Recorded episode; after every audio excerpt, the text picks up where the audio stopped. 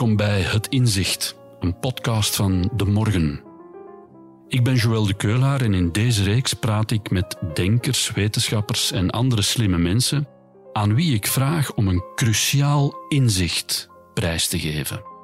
Wat hebben ze geleerd over de wereld en het leven dat ze graag met ons willen delen? In deze aflevering is mijn gast historicus Bruno de Wever. Hij bestudeerde het Vlaams nationalisme in de aanloop naar de Tweede Wereldoorlog en kwam zo onder meer tot de bevinding dat het Vlaams Nationaal Verbond destijds het fascistische pad insloeg. Hij vertelt over fake news en de waarheidscrisis, hoe we allemaal in onze eigen verhalen leven en waarom hij zich liever bescheiden opstelt in het maatschappelijk debat.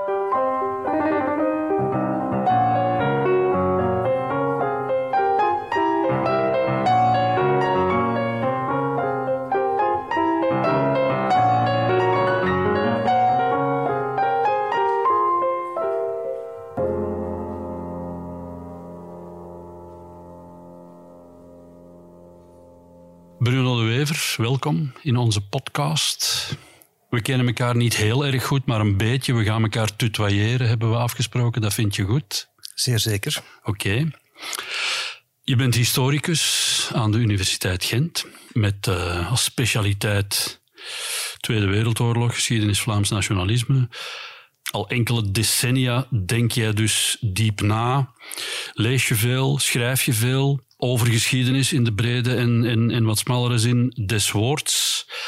Mijn vraag aan jou is nu, wat is het centrale of een cruciaal inzicht dat al dat denkwerk jou heeft opgeleverd en dat je met ons zou willen delen?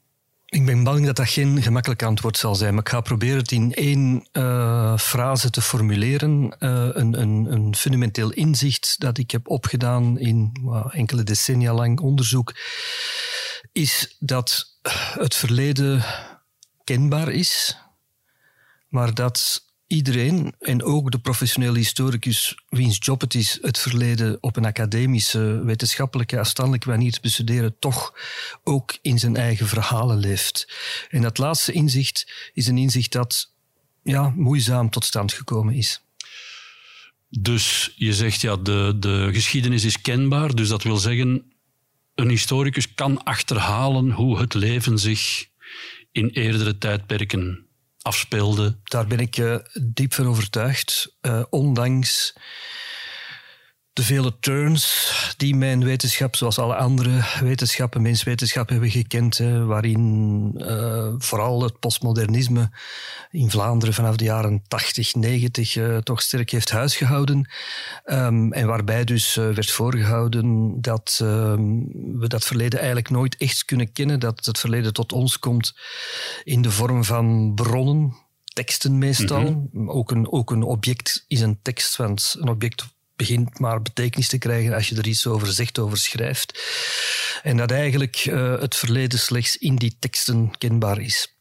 En dat heeft dan geleid tot, tot opvattingen waarbij ja, eigenlijk alle opvattingen over het verleden op zich goed waren. Uh, het was een strijd binnen teksten. En dat ja. begrijp ik ook wel.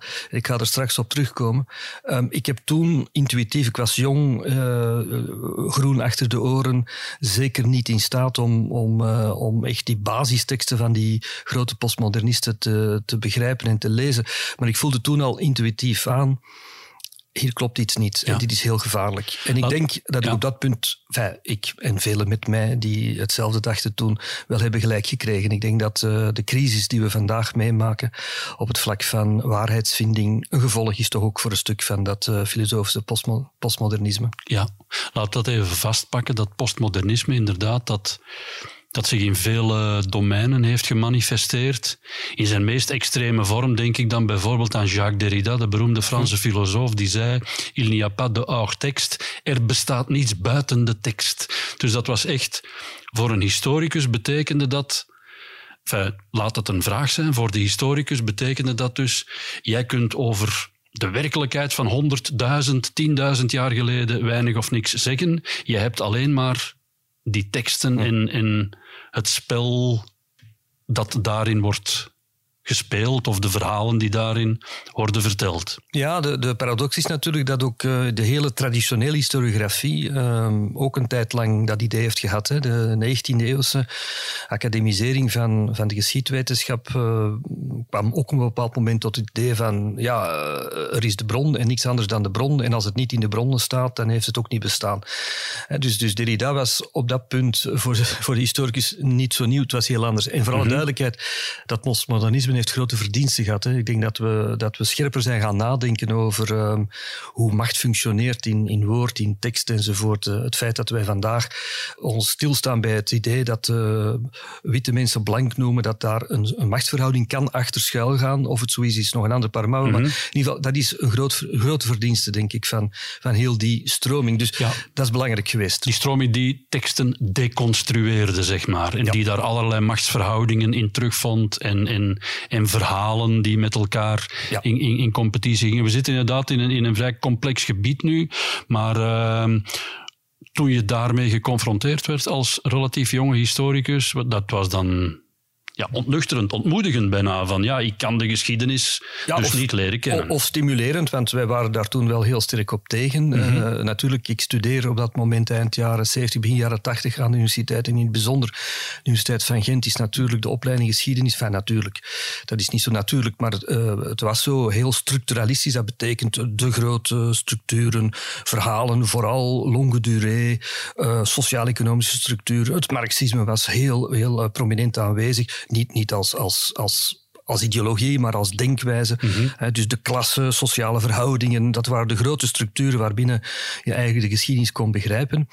En dus dat postmodernisme ging daar toch voor een stuk ja. wel tegen in. En dus dat was eigenlijk een, een, een goede sparringpartner, denk ik. Ja. En dan... Mag ik even, mag ik even terug naar dat, dat, die, die marxistische benadering? Dus die, die, die houdt in, als je de zogenaamde onderbouw van de samenleving kent, mm. hoe de productiemiddelen verdeeld zijn, de sociaal-economische verhoudingen, de inkomens van mensen en zo verder. Op basis daarvan kun je de geschiedenis schrijven. Ja, en, en, politiek hangt daar heel sterk van af enzovoort. Ja. Pas op, wij waren niet meer, niet meer naïef marxistisch. Uh, dat was toen ook al uh, marxologisch eerder. Hè. Dus Marx was een soort, Marx en het marxisme en het, het materialisme was, een, was eigenlijk een, een, een soort uh, ja, vloer waarop je stond, maar laten we zeggen dat de historische gebouwtjes die we optrokken toch al wel iets complexer waren. Ja. Maar, maar, dat was wel de grote lijn, toch? Ja, want is een concurrerende lijn niet diegene die zegt dat de geschiedenis vooral wordt voortgestuurd door ideeën ja. in plaats van sociaal-economische verhoudingen? Zijn, zijn dat de twee ja, dat zijn de twee traditionele grote tegenstellingen, Hegel versus Marx. Mm -hmm. uh, maar laten we zeggen dat, dat uh, de opleiding die wij genoten hadden toch eerder vertrok van dat van die sociaal-economische structuren en, en uh, processen, lang, langdurige processen die eerder op het sociaal en economische -hmm. terrein zijn te vinden. Zeker, ja, ja. ja, ja. Je staat ondertussen x decennia verder. Hoe, hoe sta je er nu in? Hoe kijk je nu als historicus naar de kenbaarheid van de geschiedenis en, en de rol van dat, van dat postmodernisme? En. Wel, ik blijf geloven dat uh, geschiedenis kenbaar is. Hè, dat er dus een waarheid bestaat waar je naar kunt streven. En, maar wat ik wel in mijn eigen praktijk heb ervaren, is dat mensen in verhalen leven. En ook historici leven in verhalen. En ook ik leef in mijn eigen verhalen. Hè. Ik heb... Uh, laat ons het hebben over het vakgebied waar ik uh, ja, heel veel over mm -hmm. gewerkt en gepubliceerd heb. Uh, dus zeggen het kruispunt tussen Vlaamse beweging, Vlaams socialisme en dan jaren 30 en Wereldoorlog 2, de collaboratie. Ik, ik heb daar fundamenteel onderzoek over gedaan. Ik heb bronnen gezien, ik heb uh, ja, strafdossiers gelezen waar je bijna de vinger kunt leggen op, op de gebeurtenissen, zou je kunnen zeggen. Ik heb daaruit een, een, een, een beeld geconstrueerd dat te boek gesteld is ik, ik weet op het moment dat ik dat gedaan heb, die vele, vele jaren, dat je in archieven zit te pluizen en, en dat je daar uh, dingen uit distilleert en schrijft, dan weet je op dat moment dat je interpreteert. Dan weet je dat je soms een bocht afsnijdt. Dan weet je dat je mm -hmm. soms...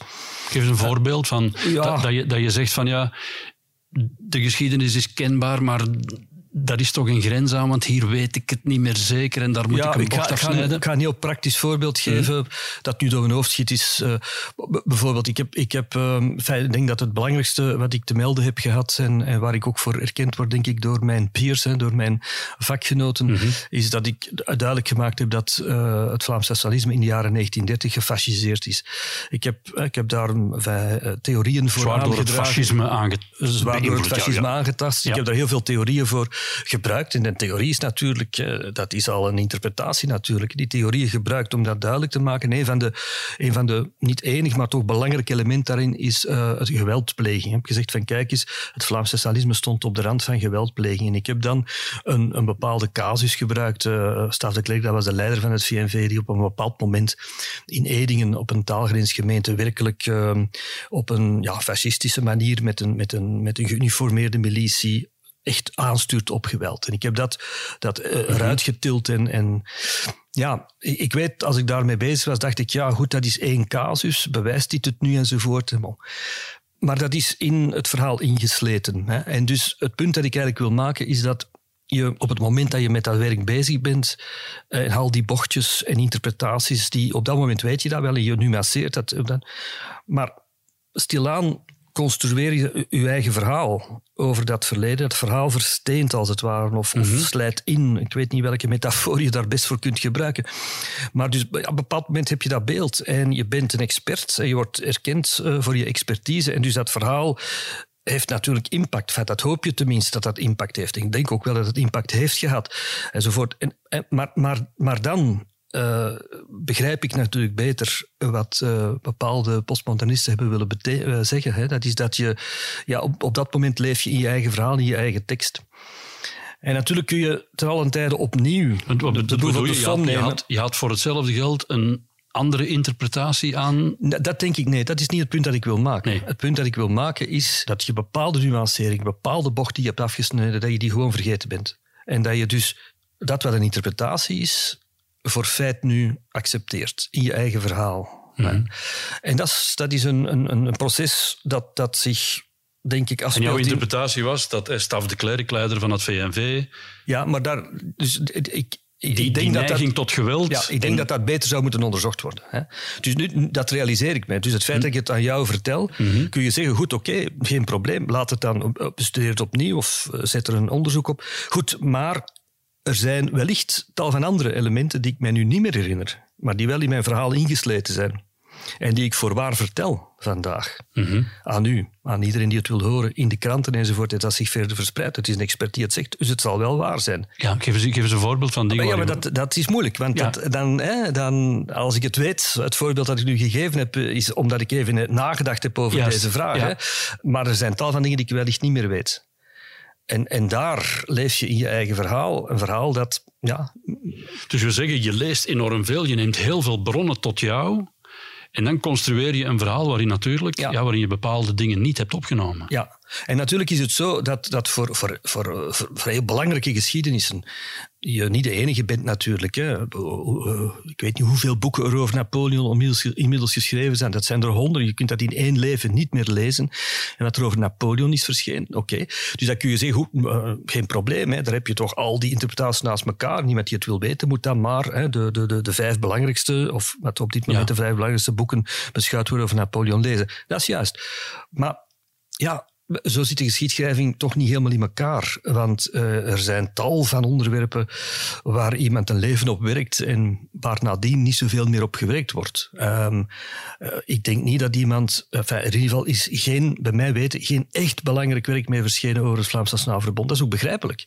Ik heb dat boek geschreven, begin jaren negentig. Waarom zou men dat nu nog eens gaan herdoen? Um, ik sluit niet uit dat het zal gebeuren. Hè? Binnen 10, 20 jaar. het zal wellicht terug gebeuren. Maar het is nog niet gebeurd. En dus, wat, wat ik bedoel is... Is dat een soort replicatiecrisis, zoals die zich in de sociale psychologie voordoet? Heel veel onderzoekjes in de sociale psychologie, die van alles lijken aan te tonen, die worden gepubliceerd. En iedereen denkt dan, ja, dat, dat zit dan dus zo. Maar die, die, die onderzoeken zijn nooit herhaald. Ja, omdat je daar heel moeilijk geld voor vindt natuurlijk. Het, is een, het is een algemeen probleem in, in de wetenschappen, ook in de positieve wetenschappen, dat inderdaad uh, replicatieonderzoek zou moeten gebeuren. Nu, geschiedenis is natuurlijk een vakgebied waar dat de revisie zit ingebakken in ons vakgebied. Wij doen niet anders dan permanent reviseren. Revisionisme is geen vies woord. Nee, nee, het is nee, geen nee. negationisme. Dat is uh, zonder argumenten elementen van het verleden ontkennen. Maar revisie, herzien, met, met nieuwe vragen naar het verleden kijken, dat zit echt ingebakken in ons vakgebied. Dus dat is ook weer niet het probleem. Het is een praktisch probleem en een filosofisch probleem. Ja. Het is een praktisch probleem. Dat is, ja, uh, je, bedoel, je hebt een, gelukkig maar een beperkt aantal historici. Ik bedoel, de maatschappij kan ze, ik bedoel, betaalt nu al, uh, denk ik, flink wat geld om, om al die historici te laten werken. Goed, mag meer zijn voor mij, dat begrijp je wel. Mm -hmm. uh, maar het verleden is een oneindige ton, hè, ja. waar zoveel in zit. En dus is het begrijpelijk dat, uh, dat mensen naar nieuwe dingen zoeken, nieuwe ja. onderwerpen zoeken enzovoort. En Precies, dus, want Staf de Klerk, dat fascisme voilà. of die fascisering, dat heeft ja. u even al onderzocht. Ja, Daar en, gaan dus, we, ja. Ja, en, dus, en dus is het verhaal dat ik daarover geconstrueerd heb, is op dit moment is dat de het werkelijkheid. dominante verhaal. Dat is het dominante verhaal, maar is het ook de werkelijkheid? Ah, dat is de grote daar filosofie. twijfel jij zelf aan. Nee en ja. Hè? Mm -hmm. Ik heb geprobeerd uit te leggen dat ik uh, er, er, er, niet aan twijfel dat ik ooit geprobeerd heb de vinger op de werkelijkheid te leggen en met al wat ik op dat moment kon en aan bronzen beschikking had uh, geprobeerd heb die, die waarheid te benaderen. Uh, maar dat betekent niet dat het verhaal dat ik daar vandaag over vertel altijd helemaal waar is. Dat is de ja. filosofische inzicht waar ik ja. toegekomen ben. Ja. En je zegt, daar moet je 62 voor geworden zijn. Maar ja, kijk. Dat is nog jong, hè? 60 is het nieuwe 40. Maar in academische kringen is 62 vrij oud. Ja, als 60 het nieuwe 40 is, dan moet ik nog 30 jaar werken. Ik ga dat niet doen. Nee, nee. Laat 62 maar nee. 62 zijn. Nee. Wat is dan, als dat een belangrijk inzicht is dat jij hebt verworven, wat zou je dan aan de luisteraars van deze podcast, die zelf geen historicus zijn, uh, natuurlijk, de meesten zullen dat uiteraard niet zijn, maar wat kun je daaruit destilleren waar wij, arme doorsnee, niet-historici, ook iets mee kunnen? Oei, ik heb daar geen, ik heb daar geen uh, grote wijsheden over te verkopen. Ik denk, uh, ja, informeer je. Uh, probeer de beste dingen te lezen die er op dat moment zijn. Wat mij erger bijvoorbeeld is dat openbare bibliotheken, als het over non-fictie gaat, denken dat het, het recentste boek het beste boek is. Mm. Dat hoeft niet zo te zijn. Nee, je, moet, je moet recensies lezen. Ja, je moet, je moet, uh, daar moet je dan toch, denk ik, vertrouwen hebben in, in, in wetenschap. Misschien in is het beste boek over Napoleon geschreven in 1947. Dat zou kunnen, dat sluit ik niet uit. Ja. En ik denk, om dat te weten, uh, moet, je, moet je de experts raadplegen. De peers, de mensen die het vakgebied kennen Ja. en die elkaar beoordelen um, en die op een bepaald moment dit beschouwen wij als een standaardwerk. En dan zou ik toch wel op het oordeel van die wetenschappers Ja. durven vertrouwen. Dat is dus die, die, de crisis waar we vandaag in zitten, is echt een, een lastige en gevaarlijke crisis. Eh, Ik, ik denk, wetenschap is, is niet zomaar een verhaaltje. Nee. Wetenschap is een, is een systeem. En je, je moet dan even willen in dat systeem treden en, en hopen dat sommige van die wetenschappers ook de moeite hebben gedaan om hun inzichten te populariseren. hè. Precies, want je alleen daar straks, je legde daar straks het verband dat postmodernisme ja, en de plaag die fake news eh, is geworden, daar zie je een verband. Ja, ik wil daar niet simpel over doen. Ehm, eh, nogmaals, ik eh, ken het postmodernisme belangrijke verdiensten toe, eh, omdat het ons, denk ik, slimmer en wijzer heeft gemaakt over hoe we moeten omgaan met, met teksten. Maar er is daar in ieder geval een filosofische grond gelegd, denk ik, voor de crisis die we vandaag meemaken. Zijn er de crisis die zegt, ja, jouw waarheid, mijn waarheid, die is- zijn allemaal, het is allemaal evenwaardig. het is allemaal het is om het Iem- even. Iemand die 30 jaar op een onderwerp gestudeerd heeft, kan tegengesproken worden door de eerste, de beste, die ook wel eens een ideetje heeft. Ja, Vreselijk. ja, dat zien we nu. Hè. Dat zien we nu, ja. Is dat echt recent? Goeie vraag. Eh, Nee, ehm, dat is niet zo recent. Als ik naar mijn eigen vakgebied mag teruggaan, ja, je ziet natuurlijk hoe de wetenschap in de jaren 30 eh, in Duitsland nazificeert. Dus je ziet hoe al die knappe wetenschappers in alle vakgebieden bereid zijn om, ja, hoe noem je dat? Fake news, eh, of, of ja, noem het maar fake news, hè, eh, van de nazi's die de meest waanzinnige theorieën over mensenwerkelijkheid verkondigden, ja, om die te accepteren en binnen die krijtlijnen te gaan werken. Over rassen en, en, en, en die smeer, en, ja. eh, tot, tot en met fysici enzovoort werden restricties opgelegd. Joodse fysica was plots niet meer goed en zo. Waanzin. Ja. En, en ze treden daarin en zij doen dat. eh, ja. Dus nee, zo nieuw is het niet. Maar het verschil is denk ik, uh, Nazi-Duitsland is een dictatuur. Je ziet het vandaag natuurlijk breed verspreid wereldwijd en ook in heel sterke democratieën. En dat is toch wel verontrustend. Als je ziet wat vandaag in de Verenigde Staten gebeurt, mhm. ja, dan, dan daar, staat je, ja, daar, daar, daar slaat je hart van over. Want het is wel een grote, sterke democratie, ouder dan de Belgische. Mhm. En waar je vandaag ja, theorieën ziet verkondigd worden die gevolgd worden hè, door brede massa's en, en blijkbaar ook door uh, ja, delen van de wetenschap. Ja, er zijn complottheorieën die werkelijk uh, miljoenen, tientallen miljoenen, honderden miljoenen mensen op, op deze planeet uh, geloven en die totaal flauwekul zijn. Dat is zo. Maar daar gaat deze arme historicus niks aan kunnen verhelpen. nee. Nee. Nee? Nee. nee. Nee, nee, nee, nee, nee. Je kunt, jij kunt daar natuurlijk niks in je eentje aan veranderen, maar... Uh... Nee, nee, wat je moet doen, vind ik, is... Uh, ja, ik, ik word betaald uh, om, om, een stukje van dat verleden goed te kennen. Eh, ik probeer dat zo goed mogelijk te kennen. Eh, dat ook door te geven, niet alleen in academische boeken en tijdschriften en, en tijdschriftartikels, maar ook breder dit gesprek bijvoorbeeld, of, of andere manieren om het, om het te doen. Maar goed, je je bent zeer gelimiteerd natuurlijk als, uh, als wetenschapper. En zeker ik ben zeer gelimiteerd. En dus dat is altijd, Waarom zeker ik? Eh, eh, ja, gewoon. Dat is gewoon zo. Je, je, ook, ook dat is een, een gevolg van ouder te worden en wijzer te worden, is dat je beseft hoe weinig je weet. Hè. Hoe, hoe ouder je wordt, hoe minder je weet. Dat is gewoon zo. Ja. Um, en, en dan zit je altijd in een heel lastige uh, situatie als je buiten Ivoren Toren komt uh, want binnen die Ivoren ja, mm, word je erkend voor je expertise en zit je vaak in die expertise-netwerken uh, opgesloten, letterlijk en figuurlijk soms. Maar vanaf dat je buiten komt natuurlijk, ja, dan heb je gesprekken zoals deze, waar jij plots mij ondervraagt over het postmodernisme, waar ik denk, ik weet er wel iets over, maar toch niet zo heel veel. En dan zit je op, op die rare balans tussen, ja, wie spreekt hier nu, de expert of of de mens die gewoon een krant leest uh, en, en die probeert uh, wijs te worden uit de werkelijkheid. En ik heb het er altijd heel lastig mee gehad, omdat eh, voor de buitenwereld ja, expertise en, en, algemene kennis soms door elkaar gehaald wordt. En mhm. dat is natuurlijk een, een, aspect van, of laten we zeggen dat we daar gevoeliger en attenter voor geworden zijn in die waarheidscrisis waar we vandaag in zitten. Als experts ook cafépraat beginnen vertellen, uh, ja, dan, dan ondergraaft de expert zichzelf. En dat is iets waar ik zeer beducht voor ben. Ja, ja.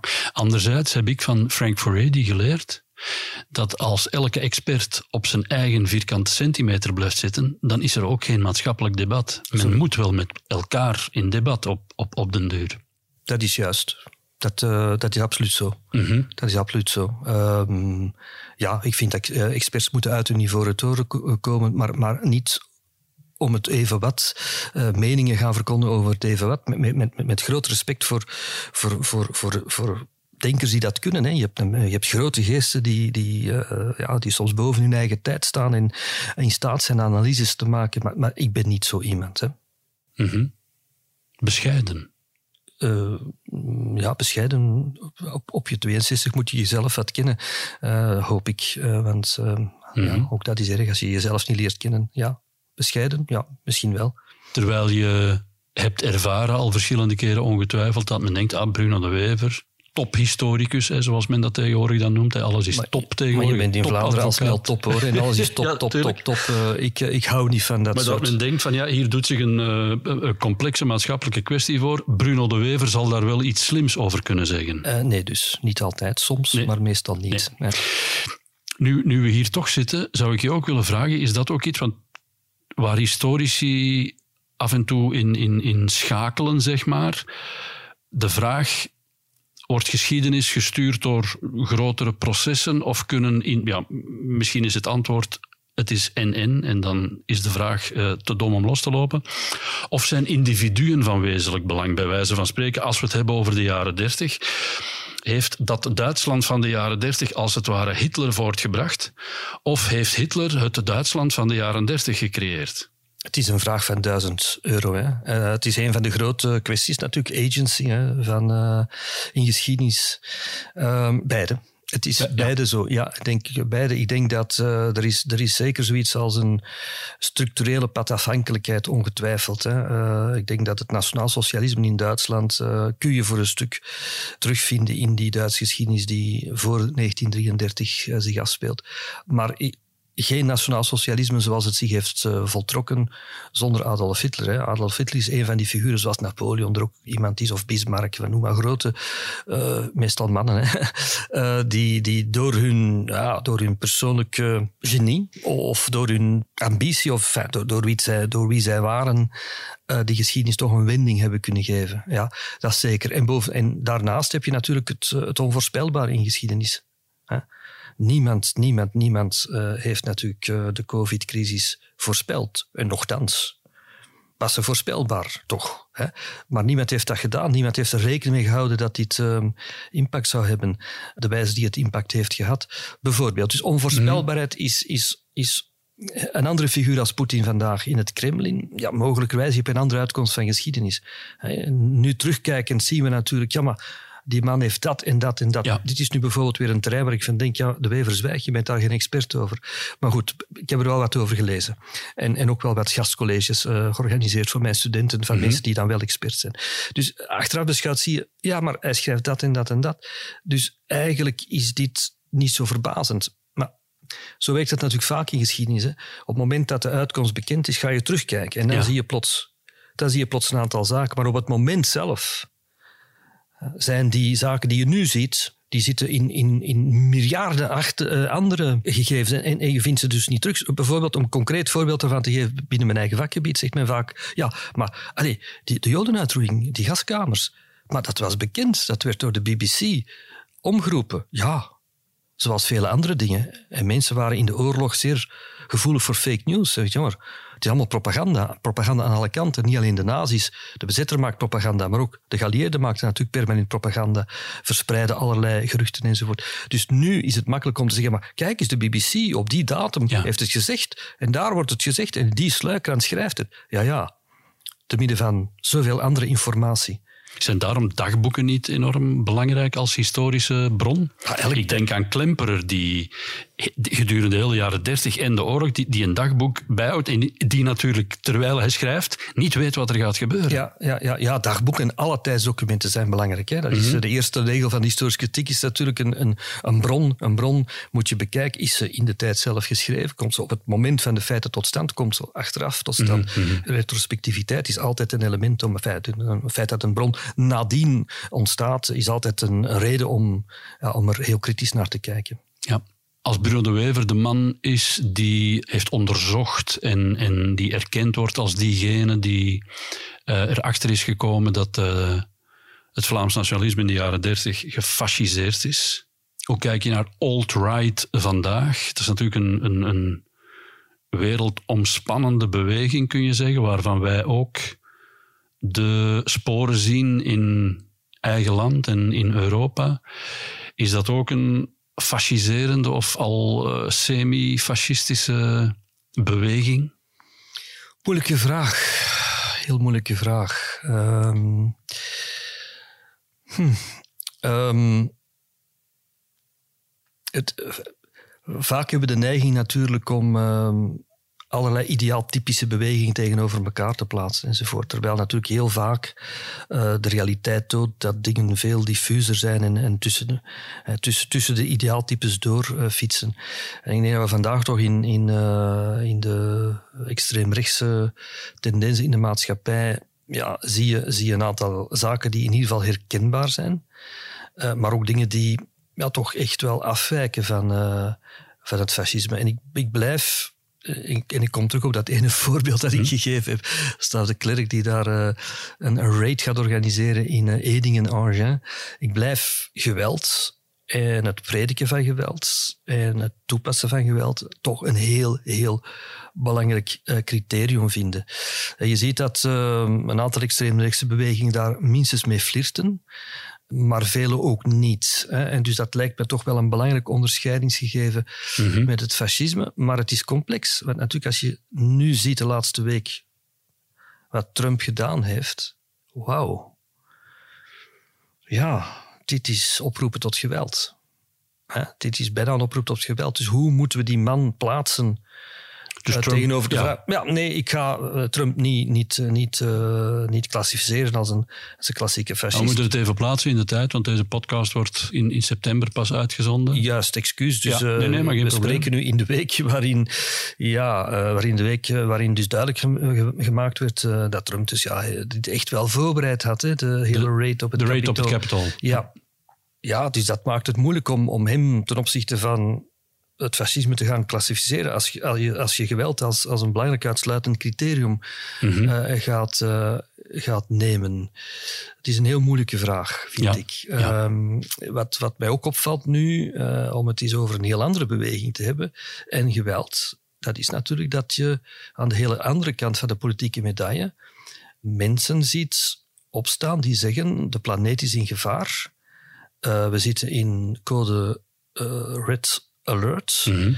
Geweld is gelegitimeerd. Extinction Rebellion bijvoorbeeld. Bijvoorbeeld en andere bewegingen die zeggen, kijk, als men niet naar ons wil luisteren, zullen wij andere middelen moeten gaan gebruiken. Daar zie je dus hoe, hoe ook een, een beweging, heel anders, die opnieuw geweld eigenlijk legitiem vindt, omdat ze zeggen, het, het dient een hoger doel. Hè, wat fascisten ook hebben gezegd, we moeten het volk redden en het dient een hoger doel. Dus, dus ja, die geschiedenis is nooit dezelfde. Hè dan zou het eenvoudig zijn. Hè? Mocht de geschiedenis zich herhalen, maar de geschiedenis herhaalt zich niet. De geschiedenis die komt in heel andere vormen tot ons. Natuurlijk is eh, gebe- geweld van de linkerzijde ook geen nieuw fenomeen, maar je ziet hoe het terug bespreekbaar wordt in onze maatschappij. Ook in onze democratische maatschappij, waar in principe natuurlijk toch overleg eh, mogelijk is. Maar ja, geconfronteerd met zo'n enorm probleem als het, het, ja, het mogelijk verdwijnen van de planeet, of van de mens tenminste op de planeet, ja, kan dat voor sommigen inspirerend zijn om toch te zeggen van kijk, ja, geweld is legitiem.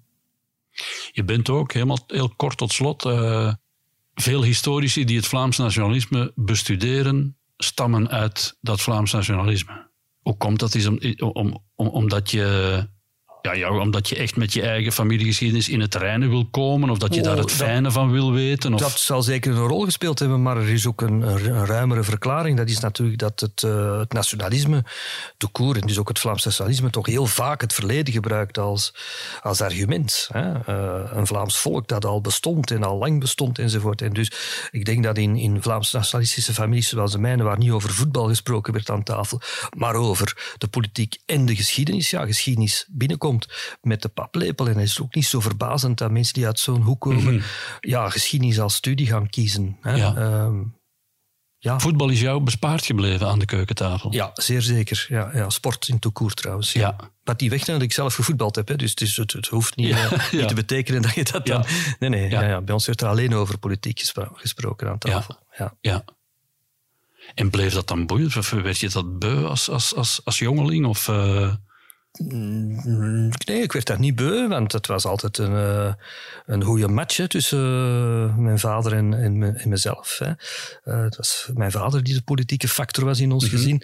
Ehm, mijn broer was veel jonger, hè, elf jaar jonger, dus ik heb met hem nooit in gezinsverband over politiek gesproken. Daar was hij te snottig voor. Ja. Maar met mijn vader, ja, dat, dat, ging, dat ging over alles. Hè. Over abortus, over Zuid-Afrika, over August Borms, over het fascisme, over Rudolf Hess. En noem maar op. Het is eindeloos natuurlijk. ja. En nooit vervelend. En nooit vervelend. Nee, Nee, toch niet nee, voor nee. mij. Nee. Nee. Nee, om- en mijn vader was iemand die ook eh, graag discussieerde. En eh, het liefste wat hij had, was dat ik eh, tegenpolen meebracht. Ik had een, een, Ja. een, een vriend in de school die, die zo wat dweepte met Amada. Ja, dat is het liefste wat hij had. Ja. Breng die mee, breng die mee. Ja. Discussiëren, discussiëren. ja, over van alles. Dat zit toch echt wel in de familie. Ja, dat zit in de familie, dat kun je wel zeggen. Ja, toch, Ja. toch in de mannelijke kant van de familie. Ja. Ja. Bruno mag ik je zeer hartelijk danken. Voor veel je, plezier gedaan. Voor je inzicht. Joël. U luisterde naar Het Inzicht, een podcast van De Morgen. Ik bedank Dries Vermeulen voor de opname en montage en Sam Vijs voor de eindredactie. Meer afleveringen van deze podcast vindt u in de app van De Morgen of via Spotify of Apple Podcasts. Als u graag reageert, dan kan dat via het e-mailadres podcasts.demorgen.be. Hartelijk dank voor het luisteren.